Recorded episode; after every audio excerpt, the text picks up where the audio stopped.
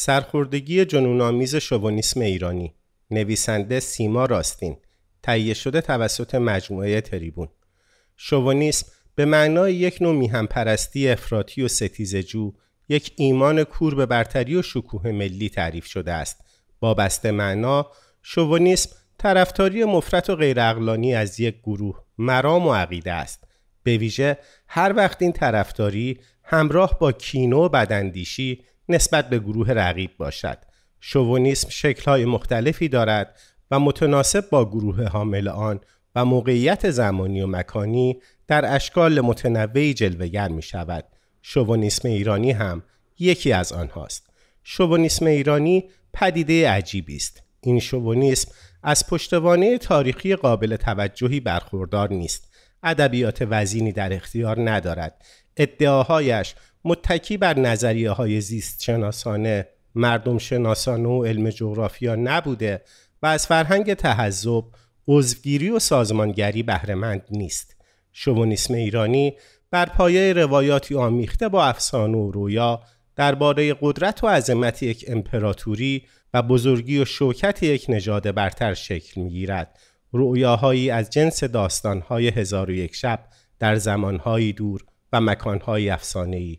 شیرین و تخدیر کننده شوونیسم ایرانی یکی از آرزه های فرهنگی و اجتماعی و حاصل سرخوردگی عمیق و دیرینه تاریخی ماست. سرخوردگی ناشی از تضاد میان ادعا و واقعیت ادعای برتری و واقعیت عقب ماندگی. اشاعه شوونیسم ایرانی نوعی بحران هویتی است که بر بستر ناآگاهی و فقدان مطالعات تاریخی اجتماعی و انسانشناسی شکل می‌گیرد. این آرزه در چارچوب مرزهای خود به فرهنگ رجزخانی و لافزنی تعلق دارد. هیچ کس خودش را با آن درگیر نمی کند حتی وقتی سیاستمدارانی در پهنه عمومی هولوکاست را انکار می کنند نه کسی آن را می‌فهمد و نه آن را خیلی جدی می گیرد دست همه برای یکدیگر رو است. رجزخانی و لافزنی در خانه و کاشانه هنگام مشاجره با در و همسایه و به روایتی من آنم که رستم بود پهلوان مزه زندگی روزمره ماست. حتی با یک جمع و تفریق ساده می توان به این نتیجه رسید که خبری از پاکی و خلوص نژاد آریایی پس از قرنها اختلاط اجتماعی و فرهنگی با عربها، ترکها، مغولها، تاتارها و اقوام دیگر نیست. افسانه نژاد آریایی نیز به همان مجموعه داستانهای هزار و یک شب تعلق دارد. شیرین تخدیر کننده و رشک برانگیز. شوونیسم ایرانی در درون تخدیر کننده است. در خارج از مرزهای خودی ابعاد زیانبار دیگری به خود می‌گیرد. در آنجا شوونیست مهاجر دچار توهم آریازدگی می شود گویا به یکی از توابع تهران جلوس کرده است. خود را نماینده 2500 سال تاریخ شاهنشاهی و امپراتوری با شکوه پارسی تصور می کند ملیت و زبان خود را پارسی معرفی می کند در مورد جایگاه اجتماعی خود هم دچار توهم است. از حمایت های دولتی استفاده می کند ولی مدام فخر می فروشد که در ایران صاحب خانه و اتومبیل بوده است و فرزندانش معلم خصوصی برای آموزش پیانو داشتند او نه تنها با ترک و عرب و هندی هیچ گونه خیشاوندی ندارد بلکه از آنان منزجر است.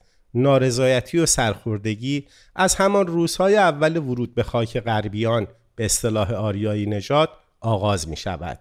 در اقامتگاه پناهندگان با هیچ یک از پناهندگان کشورهای دیگر کنار نمی آید. خود را برتر و بهتر از همه می داند. مدام شاکی و عصبانی است. مهمترین معیاری که برای خانهیابی و انتخاب مدرسه فرزندانش در نظر می گیرد دوری از مهاجرین است. محله که خارجی نشین نباشد. مدرسه ای که دانش آموزان خارجی نداشته باشد.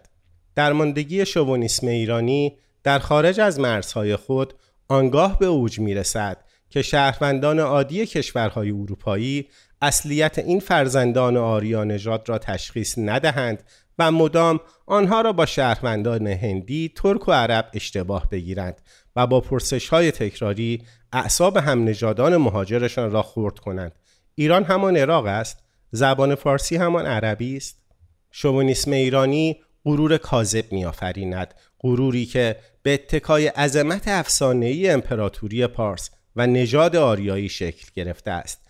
از دید شوونیست ایرانی اصالت آریایی را هیچ چیز خدشدار نمی کند حتی سلطه دیرپای سلسله های عرب و مغول و ترک و در آمیختگی اقوام در چهار راهی که ایران نام دارد.